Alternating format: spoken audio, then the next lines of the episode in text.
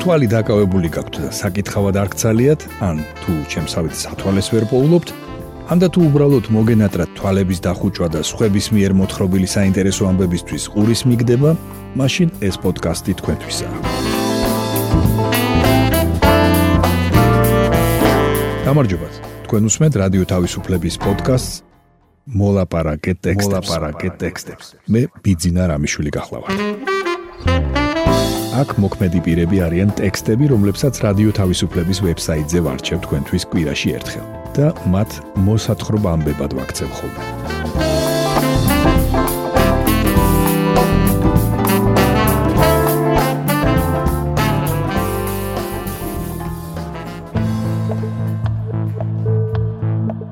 დღეს ვისაუბრებთ დისტანციურ სწავლაზე. მოგითხრობთ იმაზე თუ რა გზები არსებობს საქართველოსში საზღვრის გვერდის ავლით შესასვლელად. და გაგაცნობთ აბუკურას, იდუმალ პოემას ვეფხისტყაოსნამდე. დავაზობთ ანი ბურდულის სტატიას ისევ დისტანციური სწავლა ბავშვების ნაწილი სახლში დარჩა. სკოლები ღია, მოსწავლეები კლასებში დაბრუნდნენ, მაგრამ სხვადასხვა მიზეზით ბავშვების ნაწილი ისევ სახლში რჩება და გაკვეთილებს ონლაინ ესწრება. არიან თუ არა თანაბარ პირობებში ისინი, ვინც სახლიდან იღებს განათლებას.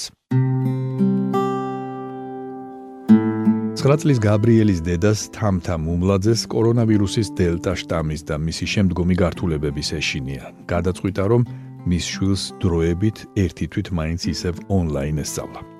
გაბრიელის კლასელები სკოლაში დაბრუნდნენ. გაბრიელს კი ორი დღეა სხვა მასწავლებლები და პარალელური ჯგუფებიდან შეკრებილი კლასელები ჰყავს. გაბრიელს და მის ყოფილ კლასელებს ცხრილიც განსხვავებული აქვთ. მეოთხე კლასელები ინგლისურს კვირაში სამჯერ სწავლობენ. გაბრიელს ონლაინ რეჟიმში ეს საგანი მხოლოდ ერთხელ აქვს. ამ მომენტისთვის დისტანციურად განათლების მიღებას საჯარო სკოლების 24000 მოსწავლე აგრძელებს. 600000 კი კლასებს დაუბრუნდა. მათ შორის 150-ე საჯარო სკოლაშიც. მოსწავლეების 14% დარჩა ონლაინ რეჟიმზეო. გვეუბნება მანანა ჯადუგიშვილი, 150-ე საჯარო სკოლის დირექტორის მოადგილე. წესებში განსაზღვრულია, რომ პირისპირ სწავლების შემთხვევაში სკოლა ადგენს სასკოლო საათობრივ ბადეს. დისტანციურ რეჟიმში რეკომენდებულია დღეში არაუმეტეს 3 გაკვეთილის ჩატარება. იმისთვის, რომ მასწავლებლები გაბრიელის შემთხვევის მსგავსად სხვა საგნებზე გასაქცევები არ გამختارიყვნენ, სკოლის ადმინისტრაციამ გადაწყვიტა, რომ ონლაინ გაკვეთილები სასკოლო მეცადინეობის შემდეგ ჩატარდებოდა. განათლების ექსპერტი თამარ მოსიაშვილი აფასებს საქართველოსი ონლაინ სწავლების ხარისხს და ამბობს, რომ ამ პროცესს ძნელია და არქვა დისტანციური სწავლება.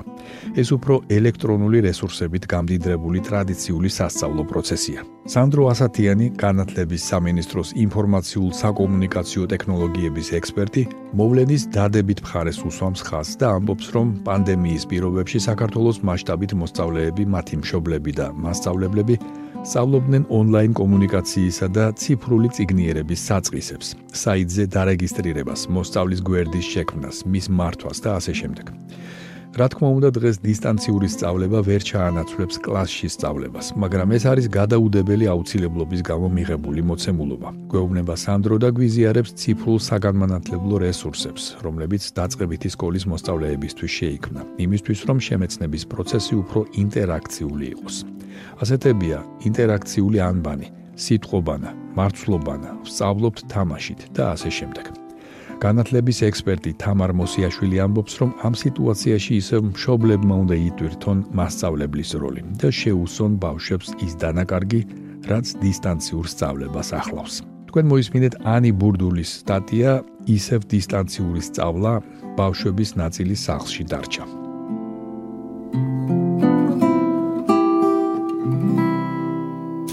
თქვენ უსმენთ პოდკასტს მოლაპარაკე ტექსტებს.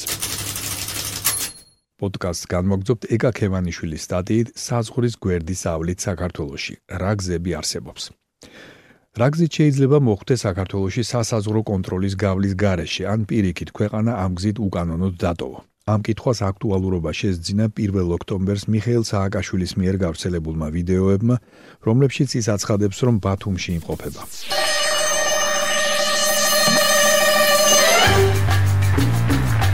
საქართველოს შინაგან საქმეთა სამინისტროში კი ერთმუნებიან, რომ საქართველოს ყოფილ პრეზიდენტს არც საქართველოს სახელმწიფო საზღვარი გადმოუკვეთავს და არც უკრაინის სახელმწიფო საზღვარი დაუტოვებია. შეგახსენებთ, რომ ეკაკევანიშვილის ეს სტატია გამოქვეყნდა მანამდე, სანამ ცნობილი გახდებოდა საქართველოსი მიხეილ სააკაშვილის ყოფნის შესახებ. საქართველოსი სახელმწიფო საზღვრის გვერდის ავლით შემოღწევის ერთ-ერთი ბოლო ყველაზე გახმაურებული შემთხვევა 2017 წელს საერთაშორისო ტერორისტთა სიაში მყოფი აჰმედ ჩატაევის სახელს უკავშირდება. ხოლო საქართველოს საზღვრის დატოვების აფგან მუხტარლის გადაცემის ფაქტს. სამხედრო ჟურნალისტი ირაკლი ალადაშვილი რადიო თავისუფლებასთან საუბარში ცოტა უფრო ადრინდელ 2012 წლის ლაფანყურის სპეცოპერაციასაც იხსენებს. რომელმაც არაერთი პასუხგაუცემელი კითხვა დატოვა. მათ შორის ისიც, ჯერ როგორ შემოვიდა შეიარაღებული დაჯგუფება საქართველოში და შემდეგ როგორ დატოვა ტერიტორია. ჩატაევის სწორედ ლაფანყურის სპეცოპერაციის კვალდაკვალ დააკავეს 2012 წლის 8 სექტემბერს. თუმცა მაშინ 2012 წლის 6 დეკემბერს ის 5000 ლარიანი გირაოს სანაცვლოდ პირდაპირ სასამართლოს დარბაზიდან გაათავისუფლეს. მაგრამ ის ისევ გამოჩნდა საქართველოში 2017 წელს, ასევე საზღვრის გვერდის ავლით. მოგვიანებით საქართველოს სახელმწიფო უსაფრთხოების სამსახურმა გამოაცხადა, რომ ჩატავებმა და მისმა თანხმლებმა პირებმა თურქეთის მხრიდან საქართველოს საზღვრის კირნათი მარადიდის მწვანე ზოლი გადაკვეთეს. ჩატაევის ეს გამოჩენა საქართველოში 2017 წლის ნოემბერში თბილისში ერთ-ერთ საცხოვრებელ კორპუსში სპეცოპერაციით და მისი ლიკვიდაციით დასრულდა. სახელმწიფო უსაფრთხოების სამსახურის ინფორმაციით მან თავი აიფეთქა. ირაკლი ალადაშვილი ამბობს, რომ ყველა წერტილში საზღვრის გაკონტროლება რთულია, განსაკუთრებით თუ პროცესში ადგილობრივები არიან ჩართული და საზღვრის გადმოკვეთის მსურველს ეხმარებიან. ის რომ ქვეყანაში მაინც შეიძლება უკანონოდ შემოხვიდე ან გახვიდე, ამის ერთ-ერთ მაგალითად ჰიბრიდული ომების მკვლევარი დავით ძიძიშვილი ასახელებს აფგან მუხტარლის ქვეყნიდან გაყვანის ფაქტს. მას ასევე ახსენდება სასაზღვრო პოლიციის მიერ გავრცელებული მასალებიც, როცა მწვანე საზღვრით ერთგვარი უკანონო ხრელებით სახელმწიფო საზღვარზე საქართველოსი თურქეთის მხრიდან შემოსვლის მცდელობისას დაუკავებიათ ადამიანები. საჰაერო კონტროლი შედარებით მარტივია და ისედაც საქართველოს არ აქვს იმდენი აეროპორტი, რომ ისინი ვერ გაკონტროლდეს. საზღვაო სივრცეც თუ მის კონტროლზე დახარჯულ მილიონებს გავიხსენებთ, კარგად უნდა კონტროლდებოდეს, ამბობს დავით ძიძიშვილი. რჩება ყველაზე სუსტი რგოლი, სახმელეთო საზღვარი. ერთ-ერთი მიზეზი აქ შესაძლოა ის იყოს, რომ შეუძლებელია ყოველ კვადრატულ მეტრზე გეყენოს მესაზღვრე, თუმცა ყოველთვის არსებობს ბილიკები, რომლებიც ნაკლებად არის კონტროლირებადი. დავით ძიძიშვილის დაგვირვებით ყველაზე ხშირად საზღვარს უკანონოდ კვეთენ ხოლმე საქართველოს თურქეთის და საქართველოს აზერბაიჯანის მონაკვეთებზე. ჭრილო კავკასიიდან უკანონო შემოსვლის შემთხვევები ბოლო დროს შედარებით შემცირდა. ეს გახლავთ ეკა ქევანიშვილის სტატია საზღვრის გვერდის ავლით საქართველოში. რა გზები არსებობს? თქვენ უსმენთ პოდკასტს მოლაპარაკე ტექსტებს. პოდკასტის ბოლოს გთავაზობთ თეა თოფურიას სტატიას აბუკურა იდუმალი პოემა ვეფხის წყაოსნამდე. აბუკურა ასე შეარქვეს ნაწარმოებს, რომლის შესახებ ქართულმა მეცნიერებმა ცოტა რამ იციან, ფართო საზოგადოებამ კი თითქმის არაფერი. ეს ლამაზი და პოეტური თხზულება ვეფხის ყაოსნამდე სულ მცირე 100 წლით ადრე დაიწერა. მაგრამ შეიძლება ითქვას, რომ შეუმჩნეველი და შეუფასებელი დარჩა. თხზულება დაახლოებით 15 გვერდია და მასში საბაწმინდელი ბერის მიქაელის მარტვილობა აღწერილი. მოქმედება 685-705 წლების იერუსალიმში ხდება. თვითონ ტექსტი კი დაახლოებით მე-11 საუკუნეებით თარიღდება. აბუკურა სხვა ჰაგიოგრაფიული ძეგლებისგან იმით გამოირჩევა, რომ სრულად გარითმულია. ბუნებრივია რითმა და ტექსტის რიტმი განსხვავდება არათუ თანამედროვე, არამედ თუნდაც რუსთაველის ეპოქის რიტმებისგან.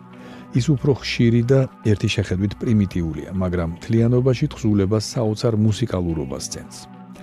ხოლო მან მიხილნა ჩვენ მიმავალნი მოსტრაფეთ, მოგვეგება და მოწყალეთ, მოგვიკითხნა და სიხარულით შეგვიწყნარნა და თქვა ღმერთმან კეთილად მოგიყვანნა და შემიყვანნა და სენაკად აღმიყვანნა და ვყავთ ლოცვაი და დაგუსხნა და ფეხნი დაგუბანნა და ვითარ მცირედ ჟამს ხედით და ზრახევდით და ვისმენდით და ფრიად ვირგებდით გიორგი მთაწმიდელის იოანესა და ექვთიმეს ცხოვრებაში, რომელიც მე-11 საუკუნეშია დაწერილი, ნახსენებია ნაწარმოები აბუკურა, რომელიც ავტორის თქმით ექვთიმე მთაწმიდელმა ქართულიდან ბერძნულად თარგმნა. მეცნიერები კარგა ხანს ბჭობდნენ, კერძოდ რომელი ნაწარმოები იგულისხმებოდა აბუკურაში და იყო თუ არა საერთოდ ეს ტექსტი შემონახული. საიდუმლო თხზულების ირგვლივ კარგა ხანს ვარაუდების გარდა არაფერი ისმოდა. პავლე ინგოროყვამ გამოთქვა მოსაზრება, რომელიც სხვებმაც გაიზიარეს. ეს ნაწარმოები შესაძლოა ყოფილიყო მიქელ საბაწმინდელის მარტვილობა. აბუკურაკი იმის გამო შეერქვა, რომ მას თეოდორე აბუკურა ყვება და ეს თხზულების შესავალშივეა აღნიშნული. აბუ არაბულად მამას, კურაკი ნუგეშინის მცემელს ნიშნავს. თეოდორე აბუკურა იგივე თეოდორე ხარანელი ისტორიული პიროვნებაა. ეპისკოპოსი, რომელიც მერვე მე-9 საუკუნეებში დღევანდელი ისრაელის ტერიტორიაზე მოღვაწეობდა.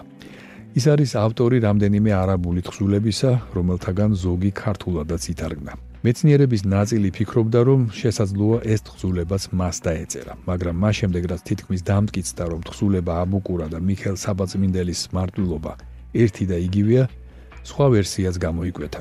მიხელ საბაწმინდელის მარტვილობაში პირდაპირ არის ნათქვამი, რომ ის ვინმე ბასილმა დაწერა.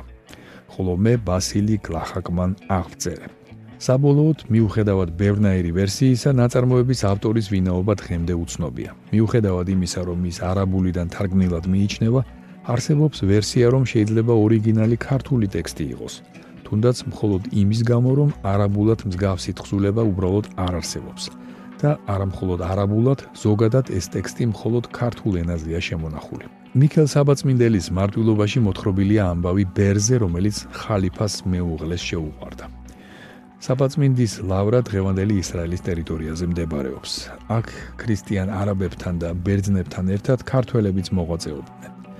თხზულება იწყება იმით, რომ აღდგომის წინა პერიოდში საბაწმინდის ლავრიდან ბერები ლიტანიობაზე წავლენ და შესასვენებლად აბუკურასთან შეჭერდებიან. ის კი მათ მიქელ საბაწმინდელის ამბავს მოუთხრობს. ახალგაზრდა ბერი სახელად მიქაელი საბაწმინდის ლავრაში მოღვაწეობდა და თან ხელსაქმით იყო დაკავებული.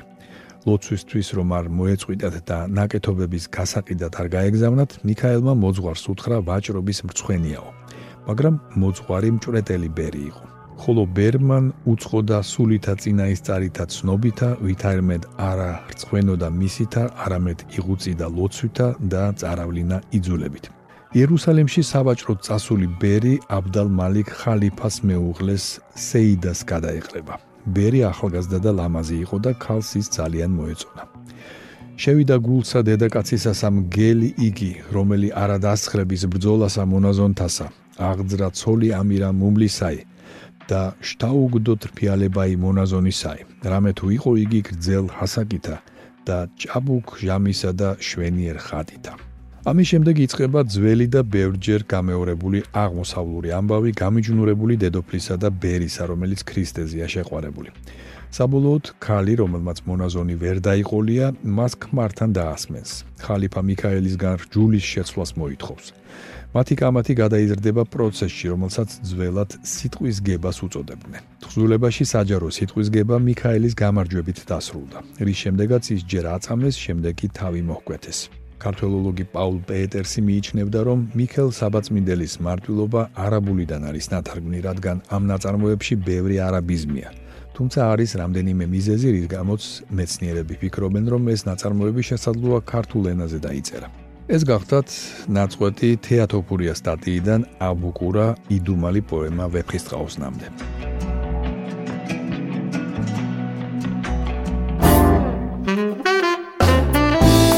თქვენ მოისმინეთ რადიო თავისუფლების პოდკასტი მოლაპარაკე ტექსტები. მე კვირაში ერთხელ ვარჩევ რადიო თავისუფლების ვებსაიტზე გამოქვეყნებულ ტექსტებს და მათ მოსათხრობამდე ვაქცევ ხოლმე. ჩვენი პოდკასტი შეგიძლიათ გამოიწეროთ, ჩამოტვირთოთ ან მოისმინოთ პირდაპირ რადიო თავისუფლების ვებსაიტზე. მისი მისამართია რადიო თავისუფლება.ge. თუ ჩემი მიერ მოთხრობილი ტექსტები სრული სახით დაგაინტერესებთ, მათი მოძებნა იულია. ვებსაიტზე, პოდკასტის გვერდზე იპოვით ყოველ ცალკეულ პროგრამაში მოთხრობილი ტექსტების ბმულებს. მე ბიძინა რამიშვილი ვარ. მომავალ შეხვედრამდე.